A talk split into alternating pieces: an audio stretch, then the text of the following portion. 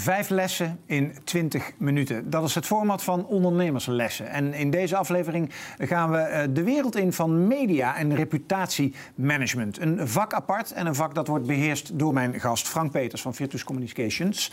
Um, Frank, welkom. Dank je wel. Je hebt een eh, behoorlijk uh, lange staat van dienst hè, in, in dit werkveld. Ik zit al 30 jaar in dit vak inderdaad. Ja. Dus ik heb heel veel voorbij zien komen in die jaren. Is er veel veranderd?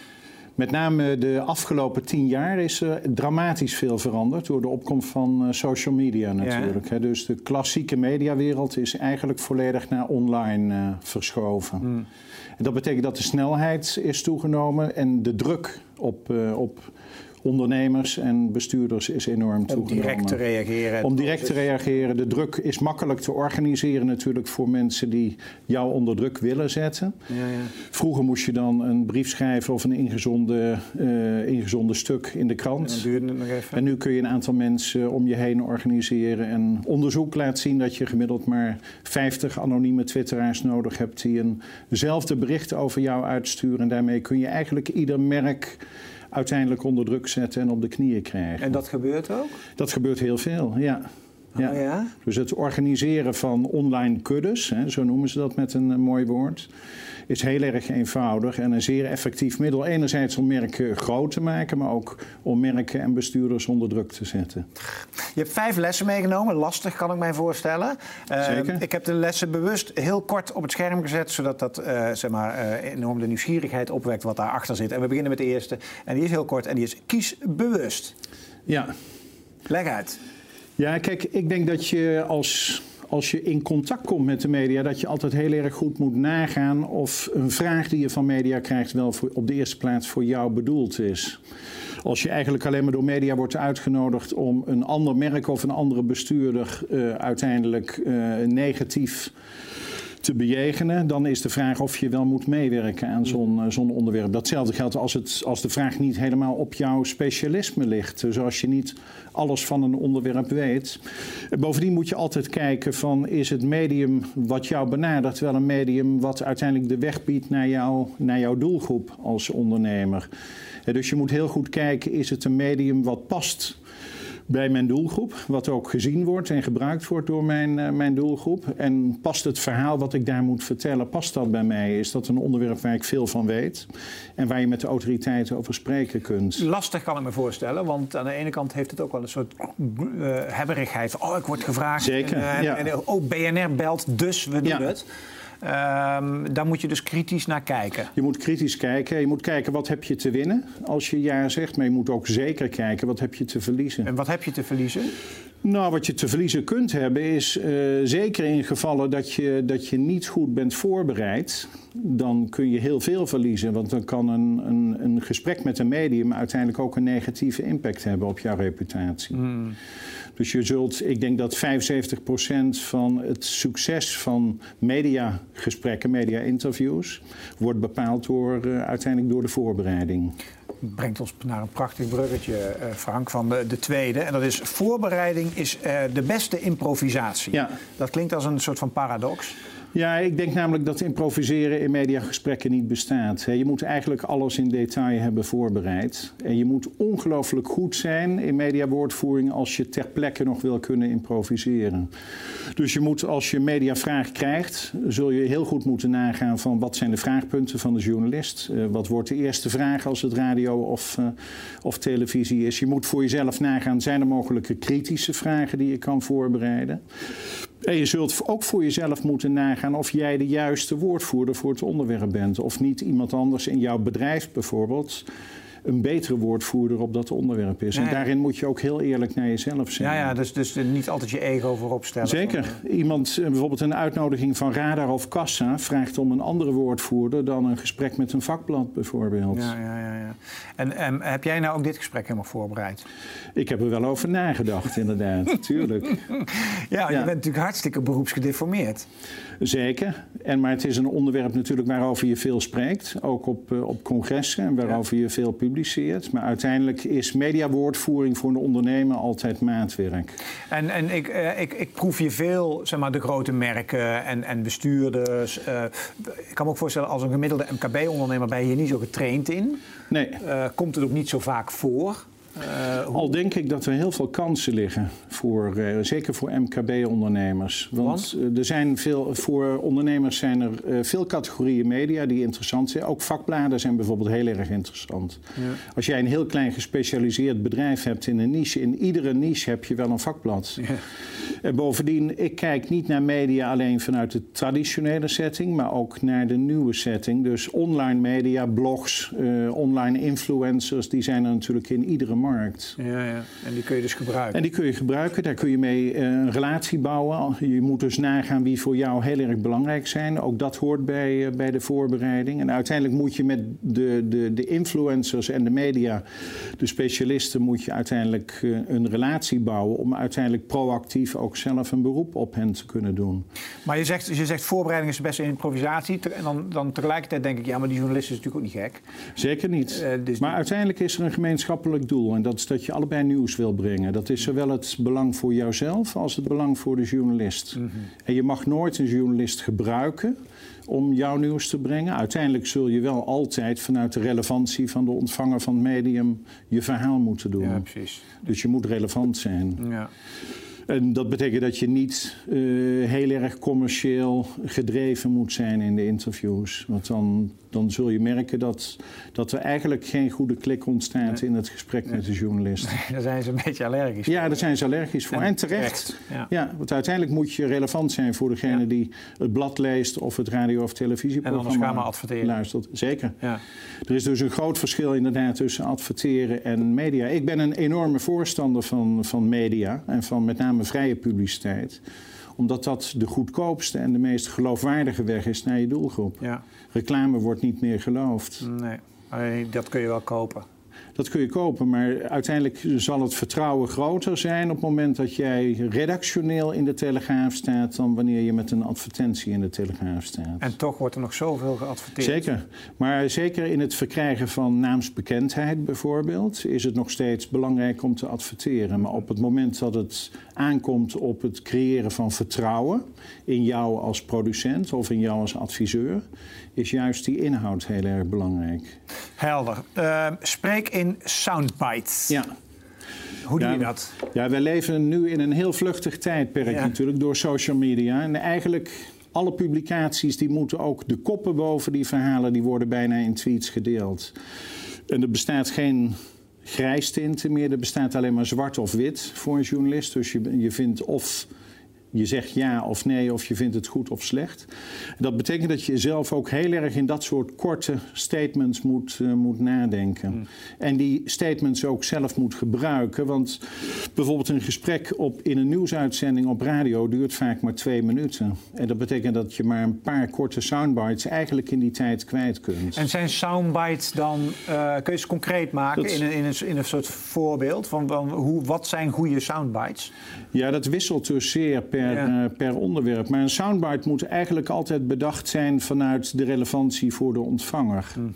dus op het moment dat jij commerciële boodschappen als soundbite gebruikt, zul je merken dat media die nooit overnemen. Maar op het moment dat je aangeeft Bijvoorbeeld dat de nieuwe behandelmethode uh, kanker oplost. Hè, de, en ook in zo'n hele korte, korte soundbite. Dan zul je zien dat die eerder ook als kop boven een verhaal gaat komen. En dan hoef je die behandelmethode eigenlijk niet eens nee. niet veel tijd aan te spenderen. Klopt. Alleen dat het kanker oplost. Ja, ja het lost kanker op.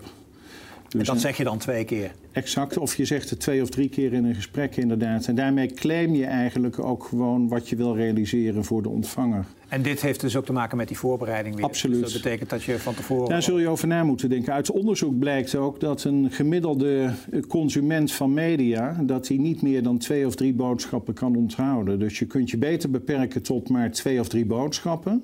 En die blijven herhalen en onderbouwen met bewijsvoering, met voorbeelden. En dan zul je merken dat die boodschap eerder aankomt. Interessant. Uh, wij gaan naar het, uh, de vierde ondernemersles. En um, ook die is weer kort en krachtig. Regisseer het gesprek. Ja. Is in het verlengde van wat we al uh, behandeld hebben. Maar ik vind hem heel interessant, want hoe kun je dat doen? Want de journalist zal hetzelfde denken. Zeker. Als we het hebben over media. En ik vind ook dat een journalist het gesprek moet regisseren. Want uiteindelijk uh, is hij degene die jou de vragen stelt. Ja. Maar dat wil niet zeggen dat je een soort willoos slachtoffer van, uh, van de journalist moet zijn. Ik denk dat het ook belangrijk is om na te denken... wat is de boodschap die ik in dat gesprek kwijt wil? En dat je in het gesprek natuurlijk antwoord geeft op de vragen van de journalist... maar dat je nadat je dat gedaan hebt, ook het gesprek kunt verleggen naar jouw eigen kernboodschap. In de mediatrainingstechniek heet dat bridging. Dus dat je uiteindelijk ook de brug maakt naar jouw eigen boodschap. Politici zijn daar goed in. Ja, maar Maakt wat die reet uit wat er gevraagd maar wat wordt. Die vaak, altijd naar hun eigen antwoord. Klopt, maar wat die vaak doen is dat ze niet een antwoord geven op de vraag die gesteld wordt. Zij maken de bridge altijd. Ja. En dat is natuurlijk de verkeerde methodiek. Ik vind dat je altijd eerst antwoord moet geven op de vraag die de journalist stelt. En dat je dan pas de brug moet maken naar je eigen verhaal. Wie vind jij een goede uh, uh, persoon, pak de politiek eens even, die, waarvan je denkt, nou, als je nou nog eens als ondernemer lesjes wil leren, dan moet je echt naar de interviews kijken van die of die politicus. Wie vind nou, je daarin? Eh, het is niet mijn kleur, maar degene die het beste is in het creëren van soundbites is toch Geert Wilders. Ja. Ja. Dus doet hij, dat ook bewust. Ja, hij denkt heel bewust met zijn team na over wat zijn nou de woorden waarmee ik niet zelf wil scoren, maar waarbij, waarmee ik bij mijn doelgroep kan scoren. Ja, en wat dus in het nieuws moet komen. dus ook woorden als kopvolle tax uh, bijvoorbeeld. Dus hij denkt echt na over, over relevante begrippen die, die appelleren aan een bepaald gevoel bij zijn publiek. En dat hoor je als ondernemer, hoor je dat ook te doen. Ja, ja, ja. ja. Dus... En ik denk dat je veel kunt leren van, van interviews met, met inderdaad dat soort, uh, dat soort mensen. Ja, wat kunnen we leren van de Nederlandse talkshows? Daar kijken we natuurlijk als ondernemer ook ja. een mas naar. Hoe moeten we daarnaar kijken met, met, met ja, dat is leuk. op? Dat is leuk dat je dat zegt, want je ziet natuurlijk veel verschillende technieken gebeuren. Als je bijvoorbeeld naar De Wereld Draait Door kijkt, uh, daar zit een interviewer, Matthijs van Nieuwkerk, die eigenlijk, die ik altijd typeer als de onderbreker. Hè. Hij stelt een vraag Jij geeft antwoord en na drie woorden in je zin onderbreekt hij alweer voor een nieuwe vraag. wat je daarvan kunt leren is dat je altijd aan het begin van je antwoord al je punt moet maken. Dus als het antwoord heel simpel ja of nee kan zijn, zeg dat dan onmiddellijk en leg daarna pas uit waarom je vindt dat het ja is. Hm. En, en als je dat niet doet, zul je merken dat je eigenlijk nooit toekomt aan het maken van je punt. Dus en, en uh, als je naar kijkt naar RTL Late Night, uh, daar gebeurt weer iets anders interessants. Daar zit eigenlijk met Umberto Tan een verleider aan tafel. En wat hij doet is dat hij een hele gezellige sfeer aan tafel creëert, waardoor je eigenlijk iets minder op je hoede bent voor onverwachte vragen, omdat je zo op je gemak voelt door de sfeer aan tafel. En daardoor kun je dus makkelijk net iets te veel zeggen dan je eigenlijk vooraf had voorgenomen. Pakt Umberto je daar dan ook op? Is dat nee, dat, dat niet, maar dat is de, de, de sfeer in, dat, in dat gesprek. Ja, ja, en dat is een andere sfeer dan bijvoorbeeld eh, bij Pauw uh, aan tafel gebeurt, waar het scherper, uh, waar scherper gediscussieerd wordt. Ja, waar mensen meer op hun hoede zijn. Waar mensen meer op hun hoede zijn daardoor. En Jinek? Jinek zie je eigenlijk hetzelfde. Die zie ik in het verlengde van, van Pauw eigenlijk. Ja. Dus wat je in dat soort gevallen, mijn stelregel en die ik ook in iedere mediatraining meegeef, is dat je gewoon nooit meer moet zeggen dan je uiteindelijk morgen in de krant wil hebben. En dat is zo moeilijk. En dat is heel erg moeilijk. Ik als een ja, ja, ja, zeer moeilijk. Maar er zijn natuurlijk veel ondernemers die, die gewoon graag praten. Ja. En die dus, uh, ah, dat is, dat is lastig. Ja, maar op het moment dat je op die manier naar programma's gaat kijken, zeker ook in de voorbereiding van een interview, dan ga je wel zien waar je op moet letten. En uh, je eigen media, uh, geef je daar ook training op? Want dit gaat, dit gaat veel over zeg maar, het doen van interviews, het omgaan met de pers en, en media. Ja. Je hebt natuurlijk ook het scala van eigen media. Absoluut. Hoe belangrijk is dat? Want dan heb je natuurlijk echt de regie. Ik vind het extreem belangrijk. Ja. Ik denk dat je nooit volledig afhankelijk moet maken van vrije publiciteit. Ik maak het bruggetje naar de laatste dat les. Dat is helemaal goed. Dat is ik zag het aan. Maak je niet afhankelijk. Zet hem er maar in, jongens. Nee, ik verzin hem niet. Maak je niet afhankelijk. Nee, ik dacht, ja. je, hebt, ik dacht je hebt je heel erg goed voorbereid. Nee, nee totaal niet. Nee, ben je gek. Nee. nee, het is heel erg belangrijk. Ja. Kijk, wat op, een van de nadelen, het is natuurlijk geloofwaardig om in de krant te staan of op radio of televisie zoals jouw programma te zijn. Maar uiteindelijk is het nadeel daarvan natuurlijk dat je de boodschap nooit 100% in de hand hebt. Ja. Dus als je echt volledige regie wil hebben, zul je op zijn minst ook, zeker wanneer er gevoelige onderwerpen spelen, je eigen kanalen ook moeten inzetten. Om je eigen boodschap zelf ook over de bühne te kunnen brengen. Stel je komt onverhoeds in een uitzending van Zembla bijvoorbeeld terecht. Uh, daarvan weet je dat het absoluut natuurlijk negatief uh, geframed zal donker worden. Donker belicht, dreigend muziekje, fout Exact. En dat betekent dat je daags voor, de, voor dat programma... dat je eigenlijk gewoon al je eigen, je eigen slechte nieuws naar buiten zult moeten brengen. Uh, waardoor je nog zelf de framing kunt doen. Ja. En je eigen verhaal kunt doen. En ook op de momenten en, en richting de stakeholders dat verhaal kunt brengen. Die voor jou het beste uitkomt. En daarmee haal je nooit het negatieve effect weg van wat er in bijvoorbeeld in dat geval in Zembla gebeuren. Maar je, je hebt wel een kans eigenlijk om jouw kant van het verhaal nog een keer te belichten. Ja, terwijl als je achteraf moet komen dan... Dan moet je gaan verdedigen en moet je gaan herstellen. En dat is veel moeilijker. En dat, dat heet met een heel mooi woord in, uh, in de communicatietechniek stealing thunder. Eigenlijk moet je dan de donder stelen bij de tegenpartij. Ja, ja door gewoon zelf met je slechte nieuws naar buiten te komen. Want vaak is dat achteraf, hè? Nog ja. steeds. Damage control. Helaas, ja. Ja. Omdat mensen bang zijn om slecht nieuws over zichzelf naar buiten te brengen. Terwijl dat de enige manier is om zelf regie te voeren. Dus eigenlijk, hè, als we het samenvatten, uh, ik dacht nog wel eens als ondernemer van ik hoef eigenlijk helemaal niet na te denken. Ik heb gewoon mijn verhaal. En ja. uh, dat is gewoon, ik ben Ronnie. En uh, dit is Seven Ditches. En ik hoef niet na te denken. En pers, kom maar op. En, maar je uh, denkt wel na, want je hebt Seven Ditches. Dus, dus ja. je denkt wel degelijk na over het, over het merk Ronnie. En over je eigen verhaal. Ja, en, en ja, en, en, maar het betekent dat je, dat je... Het is echt huiswerk. Je moet echt je boodschap gaan ja. En dat betekent namelijk ook dat, ook al heb je tien keer over hetzelfde onderwerp een interview gehouden, dat ook de elfde keer je toch weer zult moeten voorbereiden. Want jouw kernboodschap, stel dat je jouw verhaal in het, bij de Wereld Draait Door aan tafel vertelt... of bijvoorbeeld in het jeugdjournaal... dan zul je moeten nadenken over de boodschap. Want die boodschap is voor kinderen anders... dan dat je hetzelfde onderwerp belicht bij de Wereld Draait Door. En hij, en hij is ook anders als je hem in 30 seconden tot een minuut moet Zeker. Doen, of dat je ja. vijf minuten de tijd... Kijk, als je de kans krijgt om een half uur met een dagblad te spreken... dan, dan kun je veel meer uitweiden, veel meer toelichten... En als je inderdaad een minuut in Hart van Nederland krijgt, dan zul je heel erg to the point je punt moeten maken. En dan heb je niet meer tijd dan twee hele korte soundbites. Waarbij de ernstige vraag is om weer het kringetje rond te maken wat de relevantie is voor mij met Seven Ditches om in Hart van Nederland te komen. dat was jouw. En moeten we nog eens een keer apart over. Ja, uh, jij had 20 minuten.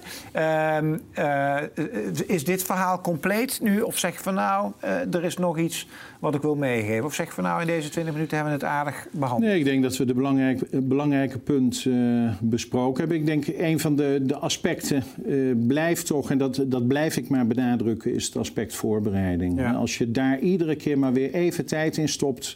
En je kunt ook altijd even oefenen met een collega in je eigen bedrijf.